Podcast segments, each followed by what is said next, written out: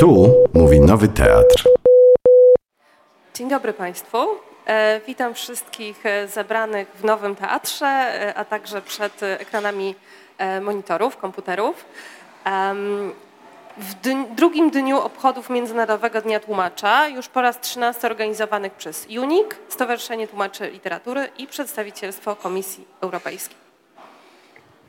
Ja również Państwa witam bardzo serdecznie, bardzo cieszę się, że się zebraliśmy po raz kolejny. Mm, e, Chciałbym od razu przypomnieć, że o 16.30 odbędzie się drugie spotkanie poświęcone kuchni w przekładzie, a już teraz to doborowe grono e, siedzące za mną opowie nam o dzikich latach 90. na rynku e, wydawniczym.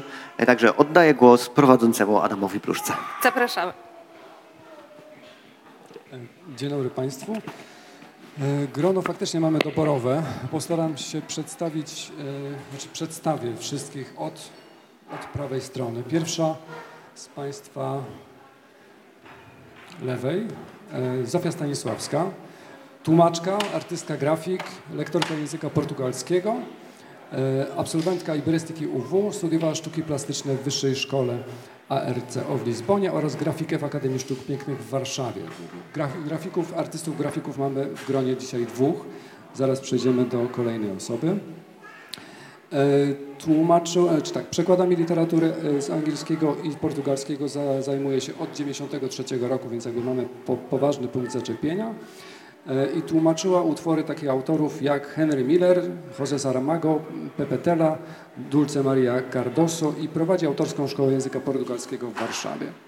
Obok niej siedzi Paulina Breiter-Ziemkiewicz, tłumaczka, czasem felietonistka, zawsze fanka fantastyki, uwielbia książki, herbatę, koty, inne zwierzęta też są fajne, jak powiedziała. E, zawodową pracę zaczynała w latach 90., znaczy dokładnie był to rok 90., prze, przekładem powieści Jamesa Herberta Ocalony. Przetłumaczyła ponad 100 powieści, pewnie to jak ja robiłem ten... Trochę już nieaktualny. Tak, Tak. to uznajmy, że 140. Liczne opowiadania i komiksy. Kiedyś w czasopiśmie Phoenix publikowała cykl felietonów e, wytykające błędy e, autorom e, przekładów fantastyki. E, ten, ten cykl miał tytuł e, Tygrys Szablasto Dzioby. E, W 2002 roku została nagrodzona przez Euro- Europejskie Stowarzyszenie Science Fiction nagrodą dla najlepszego tłumacza i tłumaczki. Tłumaczyła m.in. Nila Ga- Gaimana, Stephena Kinga, Isaaca Asiamowa, Tolkiena, Ursulę Le Guin, Raya Bradbury'ego i Lee Childa. To wybrane spośród naprawdę wielu, wielu tych 140, o których wspominaliśmy. E, Dalej e, siedzi Stanisław Kroszczyński. Również ukończył e, grafikę na Warszawskiej Akademii Sztuk Pięknych oraz romanistykę na UW. Pracował także w agencjach reklamowych. Specjalizuje się w przekładach literatury młodzieżowej, klasycznej i współczesnej, ale nie stroni też od non-fiction. Tłumaczył biografię malarzy, a przekłada książki z angielskiego i francuskiego takich autorów jak Helen Langdon, Maurice Leblanc, Stephen Clark, A.G. Riddle, John Flanagan, P.L. Travels, Holly Black i tak dalej, i tak dalej, i tak dalej, a także między innymi Misza Glenny. I najbliżej mnie siedzi Ewa Pęksek-Kluczkowska, e, która ukończyła filologię polską na Uniwersytecie Gdańskim oraz całkiem niedawno ukończyła podyplomowe studia skandynawistyczne na tej samej uczelni. Także nigdy nie jest za późno, by coś ze sobą zrobić. Jeszcze powiedz, że stoję nad grobem. Ja cały czas liczę, że Ewa zacznie tłumaczyć z, norweskiego. E, Ewa była, e, Ewa Pęksy-Kluczkowska, przepraszam, e, była redaktor naczelną wydawnictwa Phantom Press International. Stworzyła także serwis książki WP.pl. Kto pamięta, ten wie. I pracowała także w wydawnictwie Słowo, Obraz, Terytorium. Tłumaczy od 1993 roku. E, Tłumaczyła m.in. Paula Bittiego, e, Hishama Matara, Davida Hewsona, Jamesa Elroya, Billy James, a także scenariusze Quentina Tarantino. Więc to jest nasza, e, nasza wspaniała grupa tłumaczy i artystów i tłumaczek. I nasz panel... Nie, nie, mów sobie. Nasz panel nosi tytuł Dzikie lata 90. E, co mniej więcej znaczy tyle, że e, będziemy rozmawiać o tym, jak wyglądał e, rynek wydawniczy, rynek przekładu i w ogóle zjawisko przekładu w latach tuż po wielkim przełomie roku 89.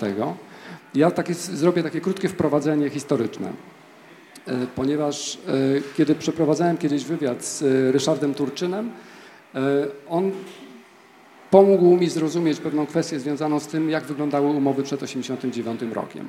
Mianowicie e, były to umowy przeniesienia praw, e, z tym, że one miały wspaniałe zapisy. To znaczy, jak teraz o sobie o tym myślę, to one są, e, one są bardzo wspaniałe. Mianowicie, po pierwsze, tłumacz miał często kilka lat na to, żeby przetłumaczyć książkę. Po drugie, dostawał wynagrodzenie za nakład książki tam powiedzmy do 10 tysięcy egzemplarzy. Powyżej tego nakładu, jeżeli był dodruk, dostawał 80% e, wynagrodzenia podstawowego.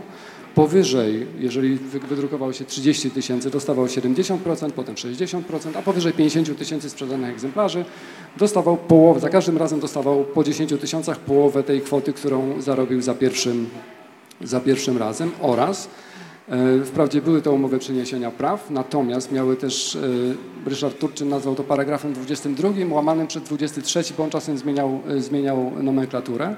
W świetle tego paragrafu można było odzyskać prawa żądając, znaczy wzywając wydawcę do, do wydania przekładu. Jeżeli on tego nie zrobił, to w ciągu 6 miesięcy tłumacz z powrotem był właścicielem praw majątkowych do przekładu i mógł ten przekład proponować innym wydawcom. I tak było do 1989 roku. A jeszcze co ważne, y, wszystkie umowy, które, y, które obowiązywały w Polsce, miały ten sam kształt. I stawki były mniej więcej podobne. I komu to przeszkadzało? Właśnie. I potem przyszedł rok 89 i zaczęła się, e, zaczęła się, e, zaczął się trudny początek e, no, trudnej sytuacji, tak naprawdę, która się ciągnie do dziś, tak myślę, trudnej sytuacji tłumaczy. E, mianowicie wszedł żrący kapitalizm i zaczął e, coraz bardziej odbierać tłumaczom e, różne ich prawa, co, co zaczęło się zmieniać dopiero całkiem niedawno. Więc jakby moje pierwsze pytanie jest po pierwsze takie, czy pamiętacie te, te, dobre czasy i jakby co się wydarzyło po tym 89, czy pamiętacie jakby te zmiany na gorsze, wtedy kiedy zaczynaliście? E, wydaje mi się, że Paulina zaczynałaś chyba na, jako pierwsza. To znaczy tak ja zaczynam w 90 roku wygrałam pierwszą książkę, więc nie tych czasów sprzed 89 jako tłumaczka nie pamiętam. Natomiast te pierwsze lata, znaczy tuż po 90 akurat były, zupełnie nie były złe. Bo wtedy się wszyscy uczyli, wydawcy też, więc na przykład na początku, kiedy nakłady, zwłaszcza literatury popularnej, które jednak był strasznie wygłodniałe, były e, ogromne z dzisiejszej perspektywy, e, wydawcy cały czas podpisywali umowy na procent. I to się bardzo opłacało. Abstrahując od tego, że to były stare pieniądze, ja za pierwszą książkę jako debiutantka dostałam 4,5 miliona, to teraz bardzo fajnie brzmi, za drugą 10. Taka była Przepraszam, wejdę Ci w słowo, żebyśmy mhm. też jakby wyjaśnili dokładnie o co chodzi Aha. o z tym procentem. To był procent ceny sprzedaży. Nie, nie pamiętam jaki on był, bo to się zmieniało z umowy na umowę. E, potem się, potem się wydawnictwa zorientowały, że im się to nie opłaca. No i zaczęli rzeczywiście kombinować przy tych umowach. Ale te pierwsze lata, te powiedzmy dwa, to akurat były bardzo fajne. I, I, rzeczywiście można było zarobić znajomy tłumacz na jednej książce, która była takim super bestsellerem, prawie zarobił na mieszkanie za jedną książkę. Inna sprawa to było wyciągnięcie tego z wydawnictwa, no bo to już oczywiście, to już wtedy się zaczynało płacenie ratami, ale też to były większe kwoty. E, także myślę, że jeszcze to taki był, to, to był ten taki okres, że jeszcze nie wszedł ten taki krwawy kapitalizm, jaki jest teraz, a jeszcze zostały pozostałości potem, ale jednocześnie było wolno i, i coś, wszystko, wszystko się to dobijało. Wtedy się bardzo opłacało być tłumaczem. Niestety niedługo. Mogę ja? E, no więc e, te, mnie się wydaje, że te procenty w jednych wydawnictwach one zniknęły z powodu tego, że tak jak Paulina mówi, wydawcom się to nie opłacało i szybko sobie z tego zdali sprawę. E, natomiast ja pamiętam, ja podpisywałam umowę na procent jeszcze w 95-6 roku. I w 95, tak na przełomie 4 i 5 nastąpił taki, taka zapaść na rynku, że zniknęły wysokie nakłady. E, I te umowy nie podobały, nie, nie opłacały się też tłumaczom, bo to nie było tak, że dostawaliśmy tam jakąś stawkę jak dzisiaj plus procent, tylko w zależności od wysokości tego procentu e, był ustalany na jakimś poziomie nakład podstawowy, czyli nakład powyżej którego jest tłumacz rozliczany za procent. I jeśli tłumacz dostał jakąś średnią stawkę i powyżej na przykład 10 tysięcy miał dostawać procent, no to te nakłady przestały dobijać do 10 tysięcy. Więc to nie jest tak, że tylko żarłoczny kapitalizm y, zjadł te procenty. Y, no dzisiaj gdybyśmy, no trzeba by bardzo nisko ustalić tę sprzedaż, tak żeby to się opłacało.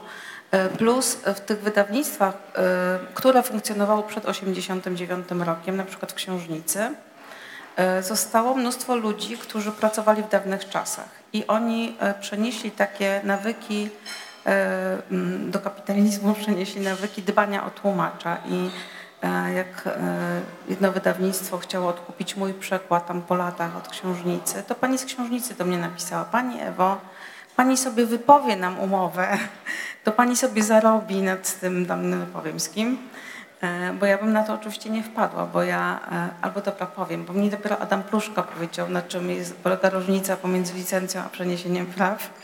Mimo, że ja wcześniej pracowałam w Phantom Pressie, po prostu przeniesienie praw było zawsze i ja nie odróżniałam. Pluszka mnie wychował, chociaż jest taki młody.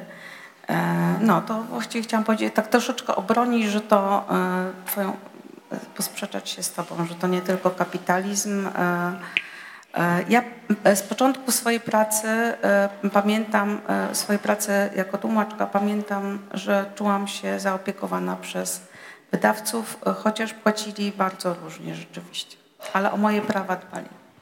Ja tylko chciałam powiedzieć, to oczywiście też jest kapitalizm, tylko wolny rynek, spadły nakłady. Tak. Tutaj to akurat wydawcy, oni by woleli oczywiście, żeby te nakłady tak. były gigantyczne, tak jak kiedyś, no ale niestety. Natomiast y, mnie tak uprzedz, mnie przy każdej mhm. umowie uprzedzano, Pani Ewo, ale teraz już nie ma takich nakładów. Mhm. Mogę Pani podnieść tutaj, ale Pani na tym straci. Mhm. No. Ja w ogóle zazdroszczę, bo moim pierwszym wydawcą był Amber. E, ale Amber płacił, ja pamiętam. Bo... To w ogóle był inny Amber, bo jeszcze wtedy współwłaściciel żył z którym myśmy się zresztą przyjaźnili, więc na, dość mocno nas uderzyło, jak on zginął rzeczywiście wtedy i, i wtedy się to wydawnictwo bardzo zmieniło. Właśnie, bo ja pamiętam takie opowieści, że ludzie przychodzili do Ambera tam po jakieś stosy pieniędzy, wychodzili z torbami, kończyli dom na Mokotowie za te pieniądze. E, i za tydzień przychodzili po więcej. Tak? Bo no, to były też te czasy, kiedy jak wykładało się na stolik jakiś bestseller, bo ja też pracowałam w 90 roku na stoliku z książkami, tego nie ma w moim biogramie, to naprawdę te książki się dziesiątkami na każdym stoliku sprzedawały. Setkami wręcz. Pani Zofio? E, tak, to rzeczywiście było takie zderzenie. Ja miałam e, okazję e, rozpocząć pracę właściwie dwutorowo z wydawnictwem utytułowanym, które istniało kilkadziesiąt lat na rynku i jednocześnie e, poprzez e, e, towarzyskie koneksje z osobą, która działała w podziemiu, wydawała książki w drugim obiegu i postanowiła zacząć w nowej rzeczywistości wydawać książki bez cenzury na wolnym rynku. Bardzo sobie ceniłam, jeśli chodzi o wydawnictwa z, z, z kilkudziesięcioma latami historii e, e, procedury, to znaczy bardzo dobra organizacja, nie miałam nigdy kłopotów z, z, z płatnościami. Również te, te słynne procenty od drugiego wydania, oczywiście one w, na początku lat 90, w 93, 4 były już niskie. Pamiętam, to było między 3 a, a 6%, jeśli chodzi o kolejne wydanie. E, też przypominam sobie e, traktowanie tłumacza z, z, z, dużym szacunkiem, e, dawanie dużo czasu do, do pracy, całkiem niezły kontakt z, z redaktorami. To się zaczęło w pewnym momencie gubić. Tłumacz stał się takim trybikiem, którego opinia się przestała liczyć. E, jednocześnie to drugie doświadczenie z wydawnictwem, które e, dopiero się rodziło, było e, szalone, może nie dzikie, ale szalone. Mianowicie przetłumaczyłam książkę, która była droga sercu założyciela wydawnictwa. Świetnie mi się z nim współpracowało jako z redaktorem, bo on też był redaktorem tekstu. Natomiast książka nigdy nie ujrzała światła dziennego i do dzisiaj y, czeka na wydanie, a wydawnictwo upadło. Właśnie, Panie Stanisławie, Pan jak zaczynał, e, to tak trochę wyszło z przypadku. To wyszło z przypadku, ale chciałem jeszcze odnieść się do tych opowieści o umowach. Ja zacząłem właśnie na tych umowach już takich totalnie śmieciowych, przy jeszcze dosyć wysokich stawkach, które no jakby zżerała inflacja. Ale od razu to były umowy, żadnych tam procentów, tylko to były takie umowy właśnie no takie. E, a rzeczywiście zacząłem tak trochę przypadkowo, bo ja przyszedłem do pewnego nowego wydawnictwa w 90 roku jako student e, grafiki. Jako student Akademii Sztuk Pięknych.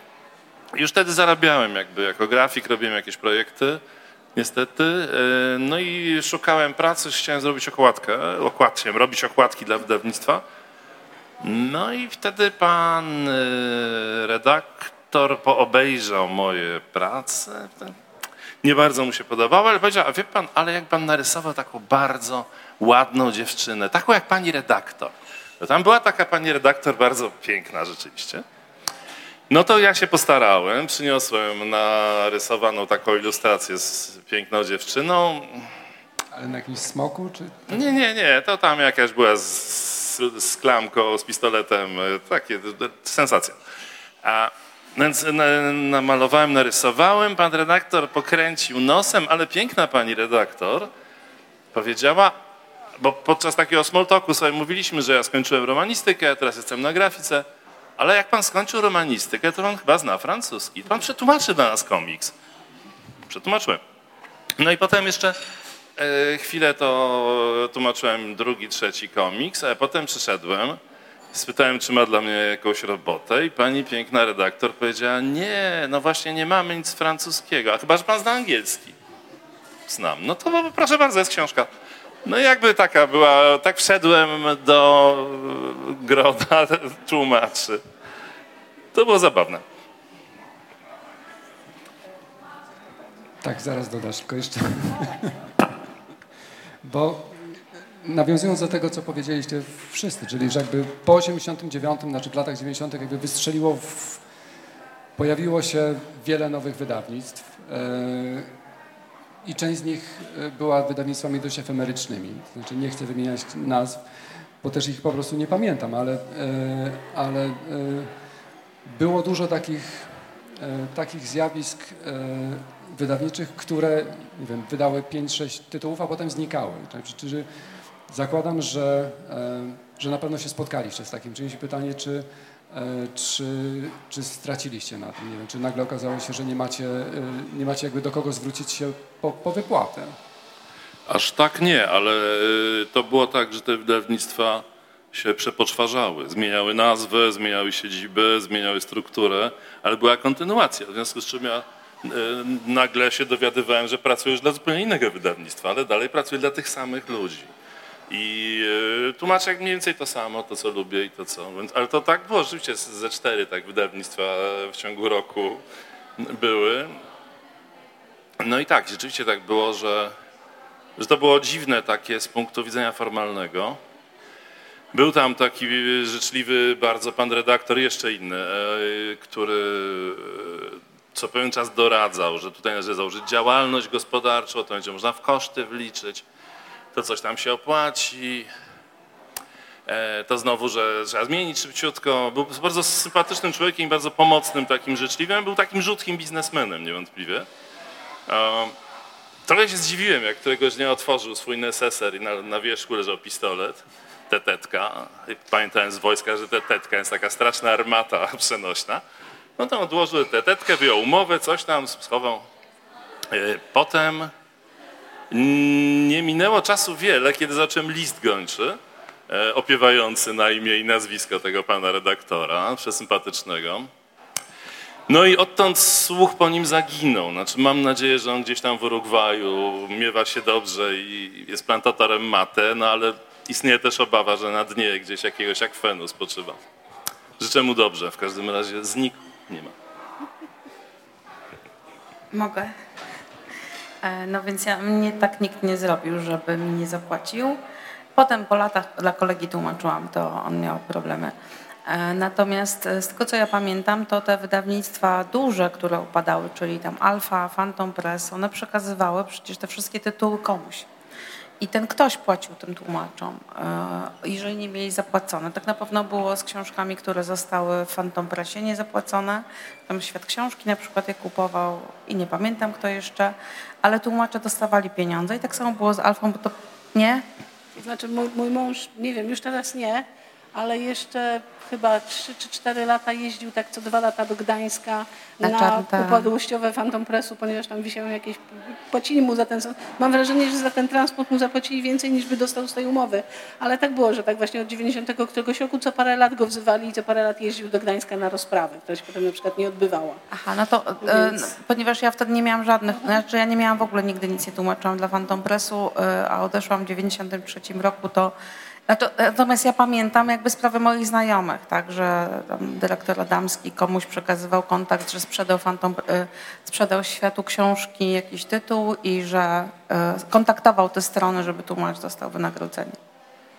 Ja też nigdy nie miałem żadnych problemów. Było parę książek, które nie wyszło, bo na przykład akurat właśnie zmieniała się struktura, ale pieniądze dostawałem zawsze. I przyzwoite. E, I to też chciałam powiedzieć, że o wiele gorzej wyglądały wówczas zapisy e, odnośnie do tych książek, które nie wychodziły. W ogóle ostatnią ratę się dostawało z reguły chyba po wydaniu książki, a nie tam po jakimś czasie e, ustalonym w umowie. A jeśli książka nie wychodziła, to Phantom Pressie chyba po dwóch latach można było dostać honorarium. No to było, tylko mm, te umowy też powstawały w czasach, kiedy nikomu nie przychodziło do głowy, że książka może nie wyjść. Ja w zasadzie też miałam dość pozytywne, to znaczy chyba nie miałam nigdy tak, że nikt mi nie zapłacił. Parę razy rzeczywiście Paulina, książki się nie ukazały. mikrofon troszkę. Dobra. E, No mówię, nie miałam problemów takich, żeby z niepłatnościami, ale rzeczywiście takie zmiany wydawnicze pamiętam. Ja w ogóle miałam dość specyficzne doświadczenie z wydawcami, ponieważ ja zajmuję się głównie fantastyką i to było tak, że po 1989 roku wydawnictwa nowe, które powstawały, zakładali zasadniczo fani fantastyki, z którymi myśmy się znali z konwentów. Więc w związku z tym wychodziło tak, że w wydawnictwie nie znałam żadnych ludzi, ale znałam głównego dyrektora albo właściciela, bo to był mój kolega, po prostu z którym żeśmy się dogadywali wcześniej. E, I oczywiście tam też tak było, że na przykład z wydawnictwa A odeszły dwie osoby, które założyły wydawnictwo P, potem się pokłóciły i w związku z tym powstało kolejne wydawnictwo, które zresztą do tej pory jest bardzo dobre. I, i, i, i, i tak to działało, ale Oczywiście były te efemery. Widziało się to po rynku wydawniczym, że na przykład ukazuje się książka jakiegoś wydawnictwa, staramy się kupować tę tematykę do pewnego momentu, bo teraz się już nie da. I to jest wydawnictwo, którego nazwa kompletnie nic mi nie mówi. Ale wiem, że są takie na przykład, jest wydawnictwo, które zresztą skądinąd urocze i bardzo dobre książki wydające, które na przykład się w ogóle nie reklamuje, bo ono ma taką politykę, przynajmniej do pewnego momentu miało, że sprzedawało przez sieć tym, co wiedzą oraz w księgarniach na dworcu centralnym i już. Nie miało żadnej dystrybucji. Właściciel stwierdzał, że te księgarnie na dworcu centralnym mu zupełnie wystarczą, bo mają sprzedaż dobrą. Nie musi się z nikim użerać i ma spokój. Ale o nim naprawdę nikt nie słyszał. Jakby. Potem się okazywało, że na przykład sprawdzamy autora, bym chciała go wytłuma- wyda- wytłumaczyć. Pach, wyszedł po polsku. Nigdy go w życiu w księgarni nie widziałam. E, Tak, bo to też był ten, e, ta kwestia czytelnictwa, która, która e, czytelnicy nieśli bardzo często wydawnictwa swoim zainteresowaniem. Fantastyka przecież- była wtedy, miała bardzo duże skrzydła i, i ogromne zainteresowanie I, i ja myślę, że rzeczywiście tutaj nie możemy też zapominać o tych, którzy te książki czytali, czyli oni też stanowili filar, siłę, e, pozwalali e, tym, że kupowali książki na drugie wydanie, trzecie wydanie. To jeszcze na początku lat 90. było. E, A fakt, że wydawnictwa, które powstawały po 90 roku, na przykład wśród środowisk, które wcześniej zajmowały się e, drugim obiegiem, myślę, że wielu osobom po prostu zabrakło e, umiejętności biznesowych, czyli byli zarówno biznesmeni, którzy jeździli z bronią w neseserze, ale byli też ludzie ogromnie dobrej woli, z bardzo e, wielkimi ideałami, którzy cieszyli się, że nie ma cenzury i mogą wydawać wszystko, co wcześniej było powielane e, e, w piwnicach. Natomiast zabrakło tej e, umiejętności planowania, organizowania, to wszystko, tego know-how, które miały duże wydawnictwa. I tu wydaje mi się były, były, by- były z tym związane właśnie problemy później. No i niektórzy przetrwali, ale teraz wydają rzeczy, których no tak troszkę się z takim zażenowaniem to robią. Mówią o tym, że To no prawda. właśnie adaptacje powiedzmy komiksowe, klasyki, no co by o tym nie sądzić, no trzeba to zrobić. Tak właśnie no, słyszę takie głosy bardzo. Ja chciałam jeszcze tylko powiedzieć a propos bo, tutaj doświadczenia z biznesmenem, który był poszukiwany. To z kolei jeden z moich pierwszych wydawców, który wydawał bardzo piękne książki, tylko no nie przeliczył, że jednak rzeczywiście okazało się, że mu się to kompletnie nie opłaca w pewnym momencie. To się przebranżowił dość drastycznie bardzo zabawnie, ponieważ e, uruchomił e, portal erotyczny dla fetyszystów stóp. Tam potem mi opowiadał swoje różne przygody, bo on sam robił do niego zdjęcia. Jego to kompletnie nie, nie, nie interesowało, więc w ogóle nie rozumiał. Powiedział, że zatrudnił konsultanta, który mu mówił, co jest takie właściwie do tego portalu, ale nie. Ale pokazywał jakieś takie tajemnicze zakamarki internetu, o których nie miałam pojęcia. Na przykład, że jest takie coś, co jest jak IMDB, tylko pokazuje sceny z bosymi stopami we wszystkich filmach mainstreamowych. W której minucie, kto, jak, gdzie, takie ten. Także to było najzabawniejsze przebranżowienie wydawcy, jakie widziałam. Powiedział, dużo bardziej opłacalne, stwierdził. Właśnie pojawiło się słowo klucz, e, do którego chciałem nawiązać, mianowicie internet. W latach 90. nie było internetu, a jak był, to, to nie wszyscy mieli do niego dostęp i kiedy już się internet pojawił, to najpierw przez łącze, internet, łącze telefoniczne i tak dalej, jakby każde E, każde sprawdzanie faktów e, na potrzeby tłumaczenia to były ogromne koszty, których nie dało się wrzucić, e, w, jeśli się nie miało działalności gospodarczej w firmę. Jak sobie radziliście przed tym, zanim internet stał się, stał się ogólnie dostępny? Nie wiem, żeby, żeby sprawdzić no, podstawowe fakty. Już nie mówię o Wikipedii, która oczywiście jest źródłem cierpień, ale jednak jakby da, przybliża pewne, pewne fakty dotyczące kontekstu chociażby. Znaczy, zanim jeszcze w ogóle był internet, to oczywiście były i są biblioteki. E, dodatkowo dla tłumaczy bazujących w Warszawie była taka cenna instytucja, można było pójść do ambasady amerykańskiej i kogoś spytać. Mnie się to zdarzało, że po prostu mówiłem, że mam taką, taki problem i nie bardzo wiem o co chodzi. I oni mówili, bo to były a potem, zanim jeszcze się pokazała Wikipedia, już się pokazały komunikatory. I na przykład bezcenne było, że się mogło mieć znajomych w Stanach czy w Anglii dostępnych przez ICQ, no bo koszty połączenia były bolesne, ale jednak dało się czegoś dowiedzieć. Ja tak miałem, jak Kinga robiłam. On w pewnym momencie wspominał swoją młodość i mówił, że jakaś tam pani, co wyglądała jak ktoś tam z puszki jakiejś. Oczywiście nie miałem pojęcia, jak ta puszka wygląda, ale mam znajomą, która jest dokładnie w jego wieku. Więc do niej napisałam i ona mówi, kurde, no było coś takiego. I my poszukam. I wróciłam, mówi, tak, taka blondyneczka krótko obcięta. I to już była dla mnie cenna informacja, bo już mogłam jakoś to wykorzystać. Także zanim jeszcze się zaczęły Wikipedie, no były kontakty osobiste. I to zresztą one do tej pory uważam, że e, są cenniejsze niż wszystkie Wikipedie i tak dalej, bo jednak wśród szerokiego grona znajomych zwykle jest ktoś, kto coś w danym temacie wie. I to wie dużo, bo na przykład się nim interesuje. Albo po prostu, przepraszam, e, to już zaraz dokończę, albo taki cold calling. No, jak miałem jakieś, jakiegoś nonfika akurat i miałem problem z tym, jak działa bomba neutronowa, no skąd ja mam wiedzieć. Zadzwoniłem do Instytutu Badań Jądrowych, jakiś pan powiedział, proszę pana, i wytłumaczył. Trzema zdaniami, wszystko już wiedziałem, więc po prostu tak. E, to ja jeszcze powiem, że tak zupełnie przed tymi komunikatorami, jak się mieszkało na przykład w Gdańsku, to nie było tak dobrze jak w Warszawie. E, ale się chodziło właśnie, na przykład jak ja tłumaczyłam te scenariusze Quentina Tarantino, tam była taka duża przedmowa o filmie w ogóle, o jego ulubionych filmach i tak dalej, to chodziłam na żabiance takiej e, wypożyczalni e, kaset wideo, którą prowadziło dwóch panów, niesamowitych fanatyków filmu i oni wiedzieli wszystko. Oni wiedzieli który film pod jakim tytułem się ukazał e, w edycji wideo, a pod jakim był w kinach. E, no bo jak nie ma internetu, to rzeczywiście to nawet nie da się w bibliotekach czasami szukać, bo, e, no bo trzeba wiedzieć, gdzie też szukać. Tak? Jak ja tłumaczyłam książkę o bitwie o Atlantyk, to w encyklopedii 13-tomowej wyszukiwałam sobie jakieś ogólne hasła, w nadziei, że tam się znajdzie trop do jakichś szczegółów, które są mi potrzebne.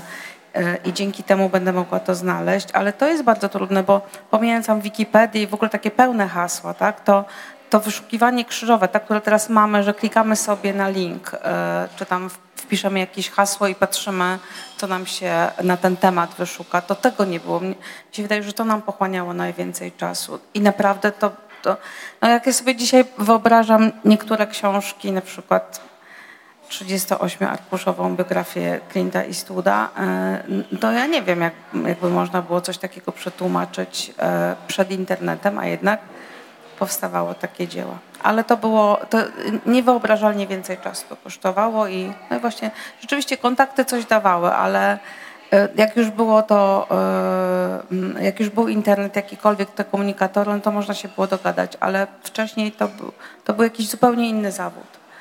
Ale czy to nie było tak, że kiedyś te książki, zwłaszcza non-fiction, właśnie biografie czy jakieś takie monografie na jakiś temat, były po prostu bardziej starannie, staranniej zrobione, pewnie. miały przypisy, miały bibliografię. A czy dzisiaj, no właśnie ten Eastwood, którego ja e, niedawno wyszedł wiosną, e, tam było tyle błędów rzeczowych, że ja nie byłabym w stanie ich sprawdzić przed. Znaczy, no niektóre dotyczyły filmów, to sobie oglądałam filmy, ale e, mm, nie byłabym w stanie jakby to tempo wyszukiwania, że wpisuję sobie- jakąś frazę i od razu się dowiaduję, czy to jest ok, no to jest, to, to jest spoko, ale wery- weryfikowanie książki tych rozmiarów e, na piechotę, no ja sobie tego nie wyobrażam. Natomiast oczywiście, że ktoś już je wcześniej weryfikował u źródła i myśmy dostawali lepszy produkt, jasne. Ja też miałam okazję przetłumaczyć na początku dwie biografie i też był to duży problem. Natomiast myślę, że ponieważ mieliśmy takie możliwości, jakie mieliśmy, czyli e, dostęp do książek, encyklopedii, wstęp do biblioteki, możliwość rozmawiania z różnymi osobami e, e, znajomymi i znającymi daną rzeczywistość lub temat, po prostu było się bardziej twórczym w tym sensie, że się umiało szukać tych informacji.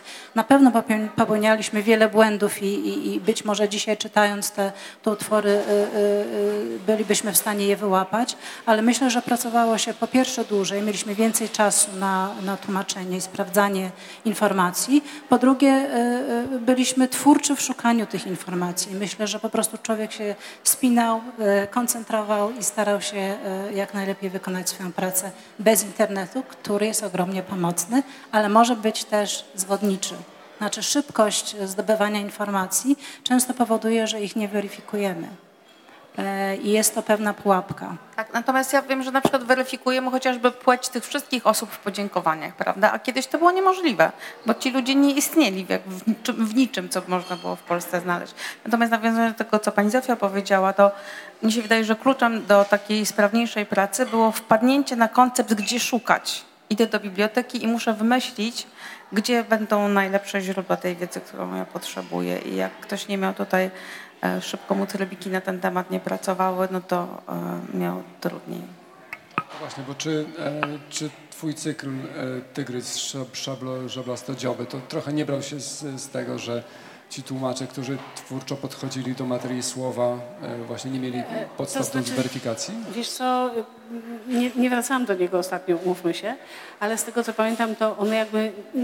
Oczywiście częściowo było o tym. Pamiętam, że o tytułach filmów na przykład było, które brali totalnie z kosmosu, a które były akurat łatwe do znalezienia, ale on jednak głównie e, mówił o takich rzeczach, które, błędach, które dla nas są w tej chwili niewyobrażalne. Ten tygrys szablastodzioby to jest cytat z tłumaczenia. To nie jest tak, że ja sobie to wymyśliłam, to po prostu tam takie, takie, takie kwiatki były.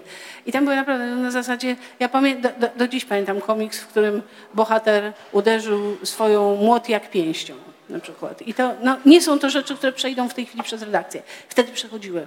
E, To były takie czasy i wtedy, znaczy dzisiaj bym się takich felietonów pisać nie podjęła z różnych względów, wszystkim dlatego, że jakby błędy są inne i jakby inaczej się wypomina. Wtedy naprawdę się ukazywały przekłady, które a, no były straszne. To znaczy, krótko mówiąc, e, zażynały książki. E, Ja pamiętam, no jeden taki przykład to Piotrek Cholewa akurat, to jest jego ukochana książka Rogera Żelaznego. Ona się ukazała w momencie na polskim, jak powiedział, ukazała się, wiedział, że ukazała, no przykro mu było, że nie ją tłumaczył, no ale trudno i czekał na okrzyki zachwytu i nic. W ogóle nie było żadnych reakcji, żadnych, re- żadnych recenzji. Nic, to ważny autor. No więc powiedział, że sięgnął po tą książkę. I, I ona była zupełnie inna niż oryginał. Znaczy tam ewidentnie tłumaczył, że mi pierwszy raz się zdarzyło, że tłumacz pisał bardzo dobrze po polsku. To nie jest tak, że on nie znał polskiego, natomiast ewidentnie ma problemy z angielskim. I to takie poważne, że nie zrozumiał po prostu książki. Nie zrozumiał tego, co w tej książce było eksplicitnie napisane i on napisał inną książkę, no, zupełnie żelaznego. Także wtedy się zdarzały takie książki. Teraz mam nadzieję już się nie zdarzają. Nieprawda? Nie, nie, nie, znaczy ja nie wiem, bo ja nie czytam specjalnie dużo przykładów, redaguję. powiem. I, i, a, no to wyrazy współczucia w takim razie. No właśnie, bo dodaliśmy do też jednego punktu, na, o który chciałem zahaczyć, czyli, czyli redaktorzy, y, którzy zakładam, ja to sobie trochę wyobrażam w ten sposób, że z jednej strony byli ci, którzy kiedyś pracowali na etat w, w szacownych instytucjach, E, i po 89 stopniowo jakby ich zwalniano po to, żeby oni stawali się pracownikami zewnętrznymi, jakby de facto e, no oni redagowali książki, które albo wydawało, wydawało wydawnictwo, w którym oni pracowali wcześniej, albo nie, no bo, bo po prostu e, ważna była kolejność zleceń, a z drugiej strony byli ci redaktorzy, którzy nie zostali wyuczeni przez tych redaktorów, którzy pracowali na etat, bo system był taki, że jeżeli ktoś został przyjęty do wydawnictwa, ponieważ skończył polonistykę i zapowiadał się dobrze, no to przez jakiś czas terminował jako korektor, potem jako korektor, yy, znaczy ten pierwszy korektor, potem redaktor i tak dalej, i tak dalej, cała ścieżka kariery zawodowej, yy, aż po swoje własne biureczko w wydawnictwie literackim na przykład.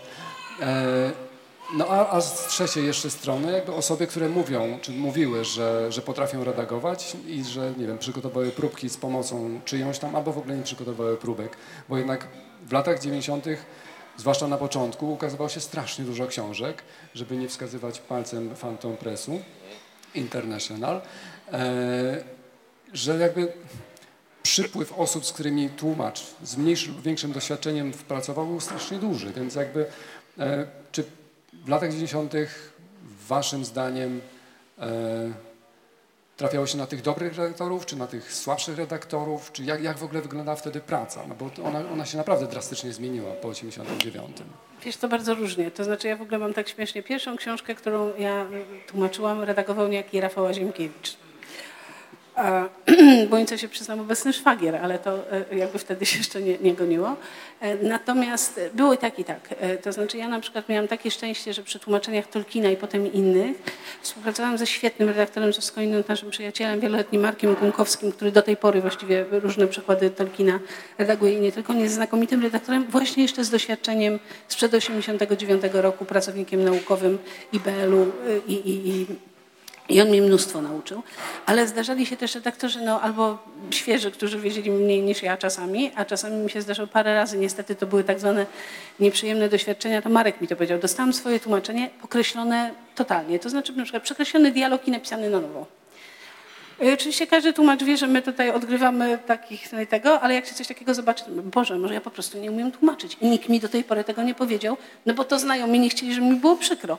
A tutaj się zdarzyła obca redaktorka i pokazałam właśnie Markowi, który tak popatrzył, popatrzył, mówi, hmm, Mówi, właśnie przeżywasz pierwsze spotkanie ze zmorą wielu wydawnictw, czyli z bardzo doświadczoną redaktorką, która wie lepiej. W ogóle się tym nie przejmuj. Chciał po prostu wyrzucić te, te, te poprawki tak, jak uważasz. No i tak się kończyło. Jeszcze z fantastyką było dodatkowo, że czasami biedni wydawcy właśnie szukając, e, żeby było szybciej, dawali redaktorom, którzy z fantastyką nie mieli nigdy do czynienia. No i to było bardzo zabawne, bo fantastyka ma swoje pewne wyrobione pojęcia, słownictwo jakieś takie i potem ja właśnie dostawałam od tej redaktorki, nie ma takiego słowa w słowniku jak blaster, sprawdziłam we wszystkich. Trzeba to napisać co innego. Ale wszyscy czytelnicy fantastyki to wiedzą. A jak będzie ktoś czytał, kto nie, nie czyta fantastyki, Asimowa, no dobrze. I tak, tak, taka, więc, i więcej taka współpraca była. Ja przyznam, że mnie się zda, raz zdarzyło redagować książkę. Jeszcze w czasach Alfy dostałam i to było, jeszcze wtedy nie pisałam Tygrysów, bo były wdzięczny temat, chociaż ona się nie ukazała. W to była książka napisana po angielsku, tylko po polsku. Do tego stopnia, że y, po 10 godzinach poświęconych pierwszym 10 stronom sprawdziłam w słowniku, czy słowo zebra jest na pewno po polsku, czy też to jest kalka z angielskiego, bo już wam to głupia. Tam po sawannie biegło stado elefantów w tym tłumaczeniu. I on, tak to było napisane. No. I to była moja pierwsza i ostatnia przygoda, nie jest to na moje nerwy. Zdecydowanie wolę tłumaczyć. No, z tych redaktorów, e, którzy wiedzą lepiej, to jeszcze już po latach 90., na początku 2000, e, pewna pani redaktor poinformowała mnie, że to nie ja przetłumaczyłem tę książkę. Naprawdę nie wiem skąd e, to wiedziała, ale no i, no i poza tym niestety znała trochę francuski, to było akurat z francuskiego, więc porównywała oryginał i powinno być słowo w słowo. No to oczywiście, jak wiemy, nie tak tłumaczymy ale pani tego jeszcze niestety nie wiedziała. I ona była bardzo zasłużoną pracowniczką, pracownicą naukową wyższej uczelni. I na pewno była znakomitą specjalistką, literaturoznawczynią, no, redaktorką mniej.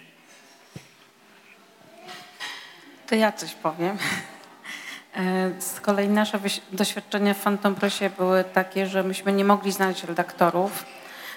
Rzeczywiście tak było, że no, wszyscy byliśmy z tej grupy e, młodzi zdolni poszli robić redakcję, bo powstało takie wydawnictwo w Gdańsku. E, I w Gdańsku nie było redaktorów, w Gdańsku było wcześniej niewiele wydawnictw i ilekroć próbowaliśmy współpracować z redaktorami z tamtych wydawnictw, to się zwykle kończyło tak, że dostawaliśmy tekst e, z poprawionymi przecinkami, bo ci redaktorzy nie mieli też doświadczeń z tak beznadziejnymi przekładami. I oni no tak właśnie dostawiali taki test, tekst, jak go zastali. Jak tak tłumacz napisał, to oni nie byli na pewno z tego gatunku, co wiedzą lepiej. No więc tam jakieś przecinki poprawiali, jakąś kosmetykę i to było wszystko.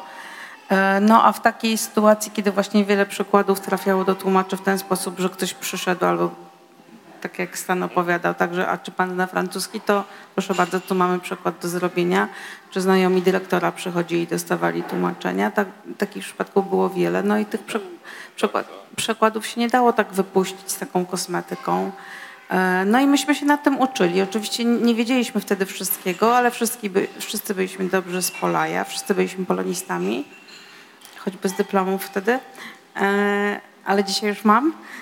E, I tak. I, I się uczyliśmy. I czasami dostawaliśmy takie, mm, przed kiedyś taki piękny list od redaktorki z Warszawy, z czytelnika. Nie pamiętam nazwiska tej pani. Znaczy wiele lat pamiętałam, ale wiem, że dziś ta pani już nie żyje. E, I ona znalazła jakiś kuriozalny błąd w Agacie Christie i napisała, no i tam napisała tak nie, że a, wy jesteście debile, co wyście tutaj puścili, tylko taka dobra matka napisała do nas takie porady i tam było najpiękniejsze zdanie e, o e, o, o pracy redaktora, jakie w życiu usłyszałam. I najtrafniejsze, że redaktor nie musi wszystkiego wiedzieć, ale musi zawsze wiedzieć, e, co sprawdzić. Musi wyczuć, co sprawdzić i wiedzieć, gdzie szukać. I wydaje mi się, że zwłaszcza ta część, że musi wyczuć, co sprawdzić, to jest sedno e, zawodu redaktora. Jak ktoś tego nie ma, że e, nawet w, w tekście tłumaczonym z języka, który, którego nie zna, też można to zredagować. Tak? Czujesz, gdzie coś jest napisane, gdzie tłumacz coś zaszył. Tak? Wyszła mu jakaś pokraka i tam próbował jej zrobić intensywny makijaż. E, to się czuje. No i tak, no i się uczyliśmy i większość z nas do dzisiaj redaguje książki i dzisiaj jesteśmy dobrze. Natomiast rzeczywiście tę lukę na rynku trzeba było zapełnić. No, w Fandopresie wychodziło w pewnym momencie 48 książek miesięcznie szło do druku. No to tam z, czego, z tego duża część to były tak zwane małe romanse, e, takie harlekinki. E, no to e, powiedzmy, że nad nimi się redakcja nie spalała. Tak? Najlepsi redaktorzy to nad tym nie pracowali. Najlepsi pracowali nad Duną czy nad, nad tak zwaną dużą fantastyką. W ogóle nad każdą fantastyką. E, ale e, no skąd trzeba było brać e, na? Ja jeszcze chciałam się odnieść do tego wspaniałego zdania, które Pani przytoczyła. Zaczęłam się zajmować literaturą portugalską w połowie lat 90., kiedy rzeczywiście nie było osób, które władały tym językiem biegle i nie było ich dużo. E, i trafiłam na e, panią redaktor, która nie znała języka portugalskiego, hiszpańskiego, francuskiego, posługiwała się tylko językiem angielskim i ta współpraca była bardzo trudna, e, ponieważ jako swój wzorzec miała tłumaczenie z języka portugalskiego na angielski. No, czyli taka klasyczna sytuacja. E, bardzo to było trudne i nie wiem, czy, czy, czy pozwoliło książce uzyskać taką e, formę, jaką powinna mieć. Natomiast 6 e, czy 7 lat temu trafiłam na wspaniałą panią redaktor, która też nie znała języka portugalskiego, natomiast miała właśnie tę cechę, że miała intuicję, znajdowała fragmenty, które wydawały jej się dziwne, E, zapalała się ta czerwona lampka, że trzeba tutaj coś sprawdzić i uważam, że to była jedna z najwspanialszych współprac mojej jako tłumacza i pani dyrektor, która również nie znała języka portugalskiego, ale jej podejście, fachowość, otwartość, intuicja i talent pozwoliły na stworzenie czegoś dobrego, nasze wspólne. I jeszcze uzupełnię, że ta współpraca się zwłaszcza e, spisuje w parze z dobrym tłumaczem, czy też tłumaczką, tak? Bo jeżeli, e, no ja widzę takie pokraczne zdanie i czy niezrozumiałe, jakkolwiek to nazwać, e, źle przetłumaczone, zaznaczam je i piszę, że nie rozumiem, al, czy tam, ja wiem, że tłumacze nienawidzą tego, po prostu jutro wylecę ze stelu za to, że to opowiadam. E, Najgorsze są znaki zapytania, bez komentarza. no to Było takie może inaczej. Znaczy ja w którymś momencie, jeżeli to jest przykład bardzo poprawiany, to w którymś momencie piszę, że dalej zamiast nie rozumiem będę stawiała dwa znaki zapytania, bo ja tych znak, te znaki zebrane we wszystkich nie rozumiem, to by się zebrały na więcej znaków niż przekład na przykład. To wtedy przechodzę na te znaki zapytania. E, I dobry tłumacz, kiedy dostaje taką redakcję, e, czy nawet, bo to oczywiście jak jest świetny tłumacz, to nie ma dużo tych znaków zapytania, ale powiedzmy, że tłumacz, który umie tłumaczyć, tak coś mu tam nie wyszło, to zerka w oryginał i widzi, że się pomylił. E, No a czasami jest taki tłumacz, który zerka i nadal nie rozumie, bo po prostu nie jest w stanie napisać tego lepiej po polsku. To wtedy ta współpraca e, się nie sprawdza, bo e, wtedy rzeczywiście potrzebny byłby ktoś, kto zna język oryginału. Absolutnie. Wróćmy jeszcze do lat 90., już tak pod koniec, w sensie pod koniec naszego spotkania. Jak często i czy często zdarzało Wam się przynieść tytuł e, i ten wydawca mówił, hm, nie znam, fajne, biorę.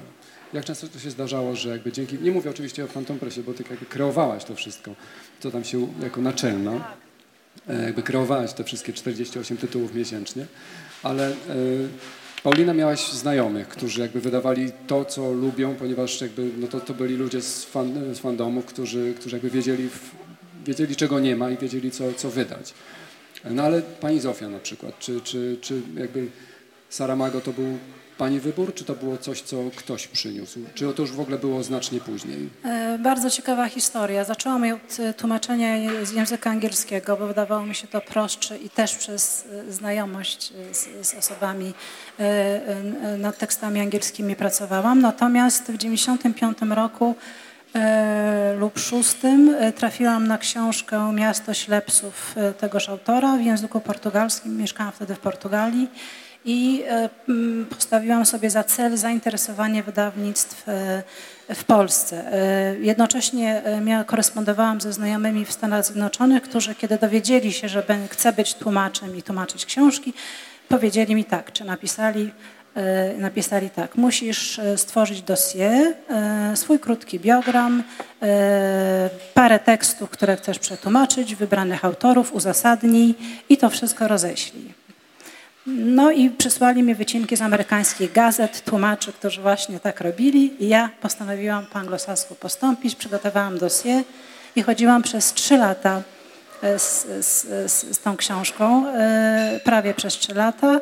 Nikt się nią nie interesował. E, Proponowałam też innych autorów e, portugalskich i też anglojęzycznych. Natomiast e, kiedy ogłoszono, e, że autor José Saramago otrzymał Nagrodę Nobla w 1998 roku, w październiku we Frankfurcie, pół godziny później e, odezwał się telefon, godzinę później była u mnie ekipa telewizyjna i e, podpisałam umowę na tłumaczenie. Więc e, bardzo brakowało mi tego, że, e, że, wielu redaktorów w redakcjach nie chciało nawet nie tyle zawierzyć e, e, e, gustom tłumacza, ale pochylić się nad, nad propozycjami, bo nieraz wydawało mi się, że szczególnie w literaturze portugalskojęzycznej jest dużo bardzo ciekawych rzeczy, które wcale nie muszą być specjalnie egzotyczne, bo są po prostu dobrą literaturą, a to się nie działa. Tutaj łód szczęścia, m, Nagroda Nobla, ale nie zawsze można na to liczyć. Ja miałam na przykład wysoce wykształconą umiejętność marudzenia znajomym. Chodziłam i mówiłam, słuchaj, do, do, do naszego kolegi może byś wy, wy, ten, wydał Sandmana. To fajny autor jest. Mówię, nie, ale to, to się nie sprzeda na polskim rynku. To nie jest taki komiks, który się sprzedaje. My sprzedajemy superbohaterów i e, Torgala i, i, i Donalda. I mówię, a może, a może. No i tak po kilku latach się złamał. Powiedział, no dobrze, no może, no może. I, I parę rzeczy mi się tak udało. W fantastyce głównie rzeczywiście upychałam jakieś opowiadania, co lubiłam. Z książkami było tyle ciężko, że e, każdy wydawca, ponieważ oni się interesowali fantastyką, to miał swoje ulubione. I niekoniecznie to musiały być moje. Mojej na przykład ulubionej książki fantastycznej do tej pory nikt mi nie, nie chciał wydać. Bardzo nad tym ubolewam. Może kiedyś. Z raz się zdarzyło. A mnie nigdy. Sobie byś musiała Ale maluczyć, ja nigdy nie, nie miałam takich, e, jak już zaczęłam tłumaczyć, to ni- nigdy nie miałam takich pomysłów, że chciałabym coś tłumaczyć, a Phantom Pressie nic nie kreowałam. Jedyna rzecz, e, na którą wpadłam, e, czyli żeby wydać Topora, to już nie ukazała się Phantom Pressie, bo już nie było Phantom, Phantom Pressu i zrobili to koledzy z Aliel. Mm, Ale bardzo dobrze im się ten topor sprzedawał, więc to był taki jedyny feedback dla mnie, że jak miałam jakiś pomysł, to też był fajny. No ale jednak Już- kreowałeś ten... e, No ale w Phantom Pressie no nic, bo jak ja przyszłam, to już było wszystko pokupowane.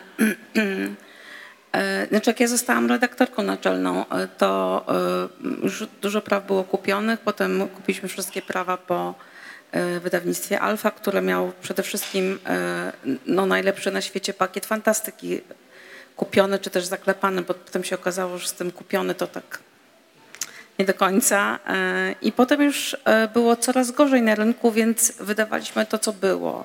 I to, co było, e, zresztą się okazało, że ta redakcja w Warszawie, tam siedział pan Wiktor Bukato i on rozdawał przekłady, w- to też jest bardzo ciekawe dla losu tłumacza. Przychodzili jego znajomi, e, czy tam znajomi znajomych i on mówi, a chcesz przetłumaczyć książkę, to weź tutaj. Znaczy, to, byli, to były ok przekłady. Natomiast e, oni nie podpisywali umów.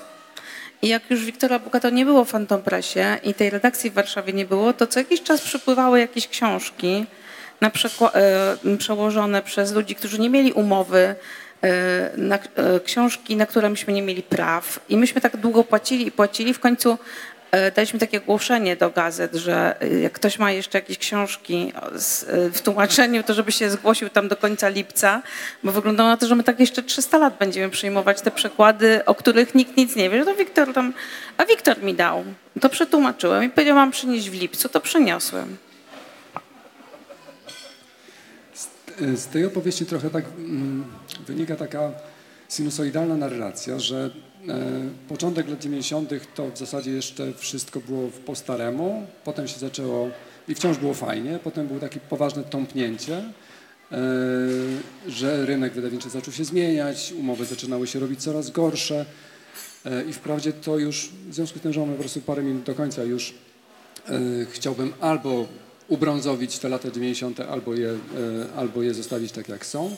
E, Kiedy waszym zdaniem coś się zaczęło zmieniać z powrotem na lepsze? Już nie mówię o tym, że pojawił się STL e, i umowy, umowy nagle zaczęły się, znaczy przynajmniej władze STL-u zaczęły naciskać na to, żeby i uczyć tak naprawdę tłumaczy, żeby nie podpisywali umów przeniesienia praw, tylko jakby zwracali zwracały uwagę na, na umowy licencyjne i tak dalej. To znaczy, czy wy patrzycie z sentymentem na lata 90.? Znaczy ja rozumiem, że pewnie tak, ponieważ był to jakiś tam moment waszego życia twórczego, który no, rezonuje do dzisiaj. Młodsi byliśmy. Znaczy ja e, widzę taki rzeczywiście STL był przełomem w moim życiu, e, bo to, że Pluszka mi powiedział o tym, że to jest taka różnica, czy tam jest przeniesienie, czy licencja, no to Pluszka też już był wtedy w STL, więc to nie jest tak, że to sam Pluszka. To była inicjatywa STL, prawda? E, tak. E, dla mnie to był przełom, bo wcześniej naprawdę nie odróżniałam, nawet podpisywałam umowę z wydawcą, o którym byłam przekonana, że jest dla mnie bardzo dobry i się bardzo mną opiekuje i podpisuje ze mną cudowne umowy, a poza tym one były krótkie. Więc ja wydawało mi się, że wszystko rozumiem, bo się nie zmęczyłam jeszcze czytaniem, a dopiero dzisiaj się dowiaduję, co tam są za kwiatki w tej umowie.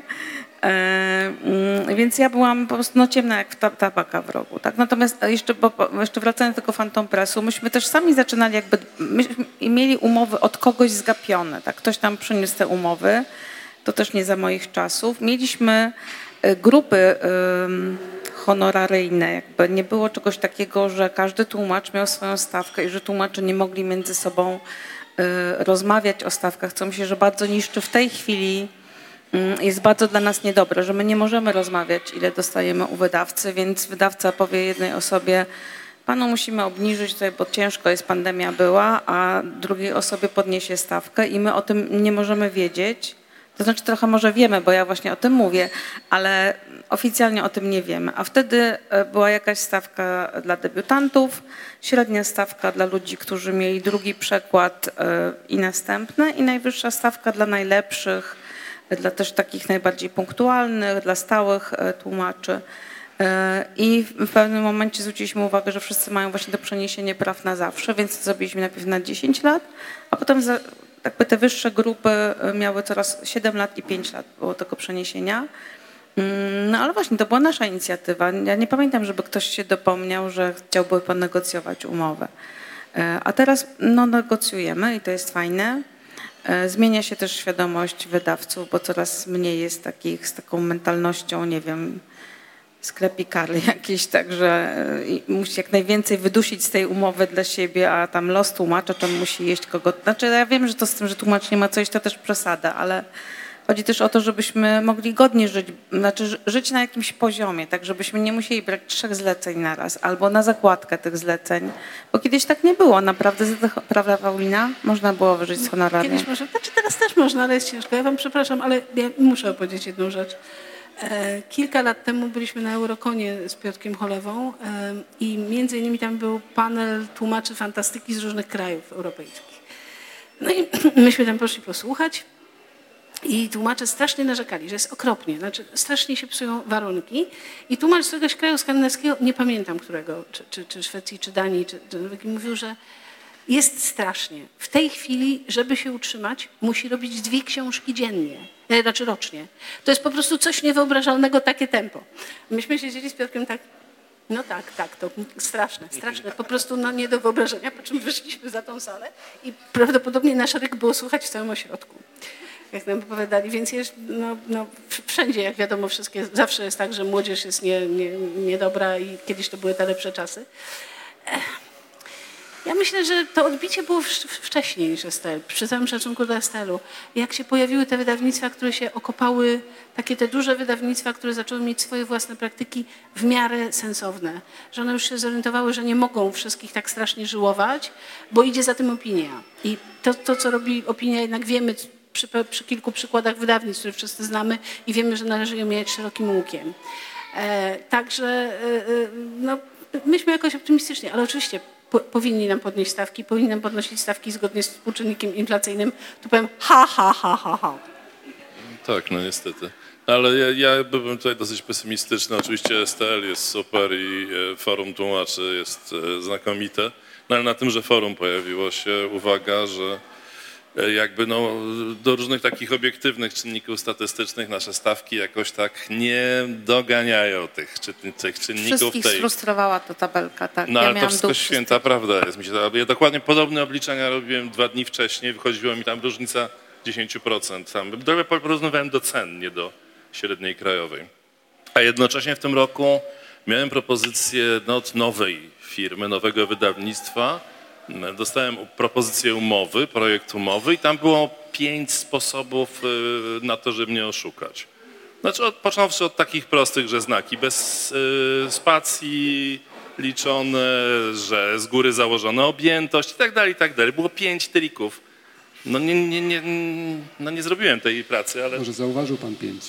I może zauważyłem tylko pięć, właśnie może było więcej, bo to ja nie jestem prawnikiem. Tak. Znaczy ja się zawsze zastanawiałam, bo nigdy jakoś mi nie, nie proponował nikt tych y, słynnych znaków bez spacji, ale jeżeli proponują znaki bez spacji, to ja bym po prostu oddała bez spacji. No, tak, bo no, skoro za nie nie płacą, no to znaczy one są niepotrzebne zupełnie.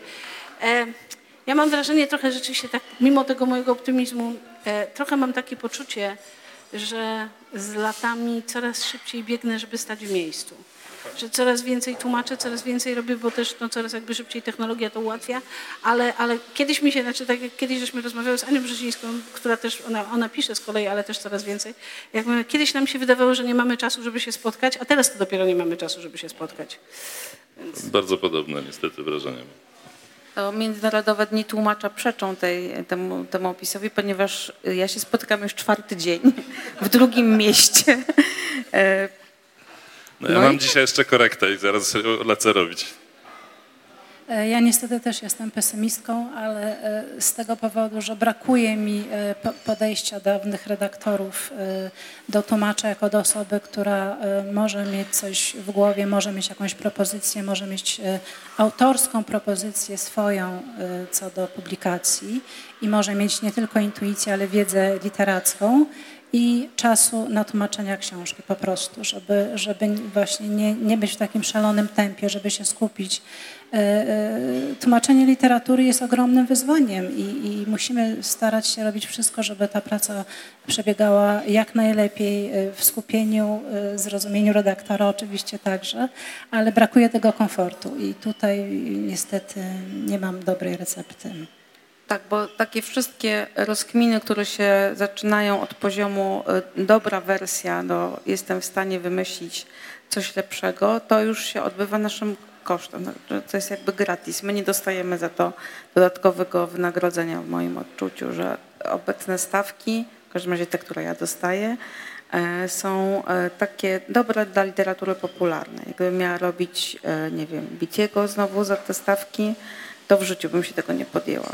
To musiałabym dostać ze trzy razy więcej, tyle to też nikt nie płaci. No ale gdzieś powinna być taka średnia, że czasami zrobimy coś łatwiejszego i uśrednione z tym czymś trudniejszym, to wtedy nam się opłaca, a wydaje mi się, że jesteśmy daleko od takiej średniej. Czyli macie takie, de facto wyciągam taki wniosek, ale czy potwierdźcie, że to jest prawda, że e, w latach 90. zarabialiście więcej? Tak. Tak. Tak. Tak. Dziękuję bardzo. Nie, Proszę Państwa, jeszcze mamy chwilę, e, więc ja chętnie oddam mikrofon osobie lub osobom, które chciałyby zadać pytanie e, i ja ten mikrofon dostarczę w odpowiednie miejsce. Pierwsze pytanie.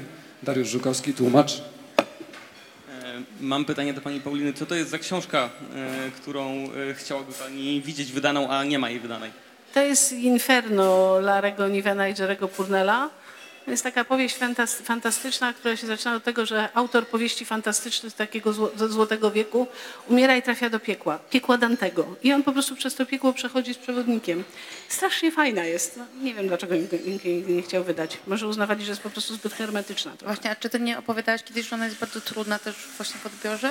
I że Ona nie jest trudna w odbiorze. Ona jest po prostu tylko, że jak, jak, jak wydawca słyszy, że fantastyka, Złoty Wiek, e, Dante, e, dziękujemy. No tak, Dante, herowy. No ale właśnie teraz, przepraszam, jeszcze wejdę w słowo, bo teraz ma się ukazać nowy przekład e, Jarosława Mikajewskiego właśnie. Tak, właśnie prowadzimy e, rozmowę na ten temat. Więc jakby to jest też dobry moment, żeby, żeby do, tego, do tego wrócić tak naprawdę. Czy ktoś z Państwa jeszcze chciałby zadać pytanie? Już. Ja chciałem taką właśnie mieć nie pytanie, tylko taką uwagę, że e, w latach 90.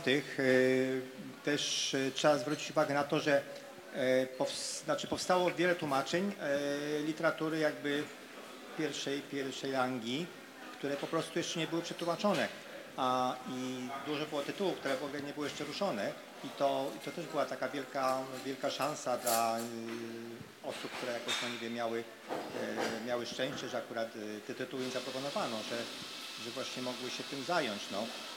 Ja powiem tak osobiście, że ja jako wtedy byłem związany z, literaturą na świecie, a i, no, i przez to wydawnictwo, przez to pismo był kontakt z wydawnictwami. Na przykład jako bardzo niedoświadczony tłumacz, e, to właściwie była moja pierwsza książka, e, przełożyłem e, Matkę Boską Kwietną Żeneta. No to była taka duża gratka.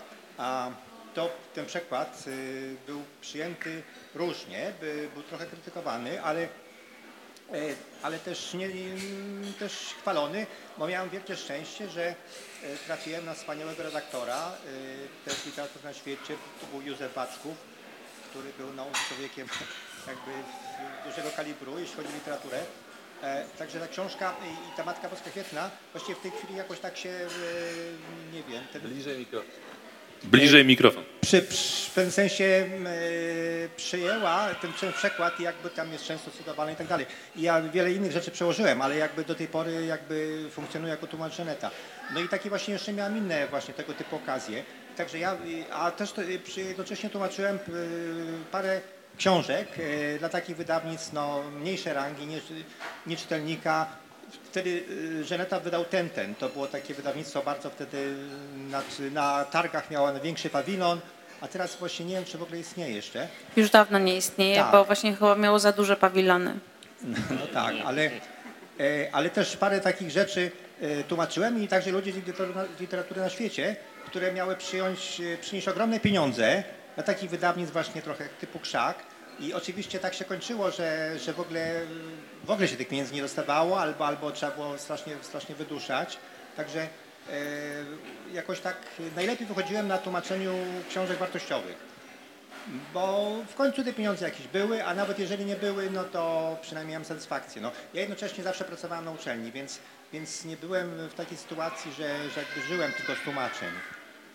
A, ale faktycznie, że te, te stawki wydawały się wtedy większe, w latach 90. relatywnie.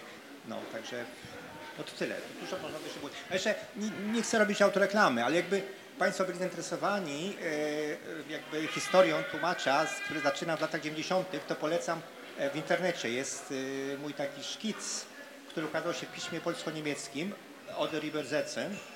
Jak ktoś pisze tytuł Oder Übersetzen i moje nazwisko, to, to coś powinno tam, tutaj Adam Pluszka może nie. Okay. Krzysztof Zabłocki. To ja tylko krótką jedną uwagę. Ostatnią umowę taką z e, procentem od sprzedaży egzemplarza podpisywałam w 2006. Znaczy, procenty do dzisiaj się pojawiają, tak? Tylko, że e, no, e, kiedyś były standardem, a dzisiaj nie są standardem. To są jakieś wyjątki. No, umówmy się, też jest trochę wydawnictw, które naprawdę bardzo dbają o tłumaczy. E, niestety to są też zasadniczo te mniejsze wydawnictwa, więc nie mogą nas wszystkich zatrudnić. E, ale tak, no oczywiście, że się zdarzają umowy na procent. Ja może tak na wesoło, jako laik i czytelnik bym chciała coś zapytać. Nie jestem tłumaczem, jestem prawnikiem. E, natomiast czytam książki, ale mam takie pytanie, jakby podwójne pytanie. Czy zdarzyło się Państwu chęć przetłumaczenia jeszcze raz czegoś, co już zrobiliście jakby w nowy sposób, albo czy zdarzyło Wam się e, widzieć przekład Waszego, prze, znaczy literatury, którą przekładaliście, zrobiony przez kogoś innego, który Wam się podobał albo nie. I tu nawiązuję jakby do szeroko komentowanego parę lat temu już e, nowego przekładu Mistrza i Małgorzaty, który był tak szeroko komentowany, że Y, teoretycznie jest lepszy albo inny, o tak to ujmę. No ja mogę powiedzieć, że zawsze chciałabym coś zmienić, ale to jest bardzo zgubne, więc myślę, że gdybym dostała możliwość i czas na to, żeby się pochylić nad każdą książkę, książką, która, którą przetłumaczyłam przez te y, ponad 20 lat, to chciałabym ją poprawić. E, nie mówiąc już o poezji, bo o tym żeśmy nie mówili, ale e, jest taki bardzo wąski margines e, osób, które zajmują się przekładem poezji i tutaj ta praca jest bardzo ciężka i nigdy się nie kończy, więc myślę, że pewnie też zależy to od charakteru tłumacza. Ja bym zmieniała.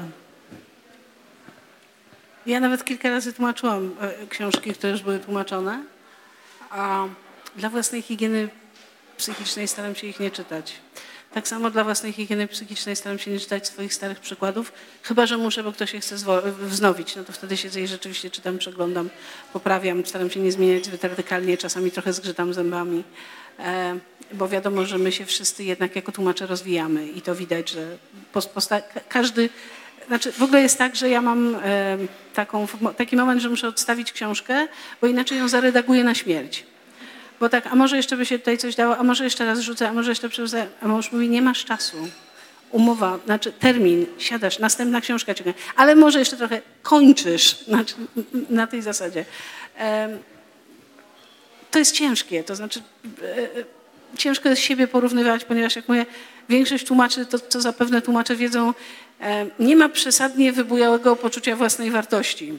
E, no bo to, to, trochę, nie wiem, być może jest taka związana cecha tego, zawsze mamy ten problem, że zawsze, a może jednak to będzie lepsze i będzie mi przykro, albo się okaże, że zrobiłem jakiegoś babola i będzie mi przykro, a może okaże się, że jestem kretynką i może zupełnie mi będzie przykro, więc lepiej to ominąć.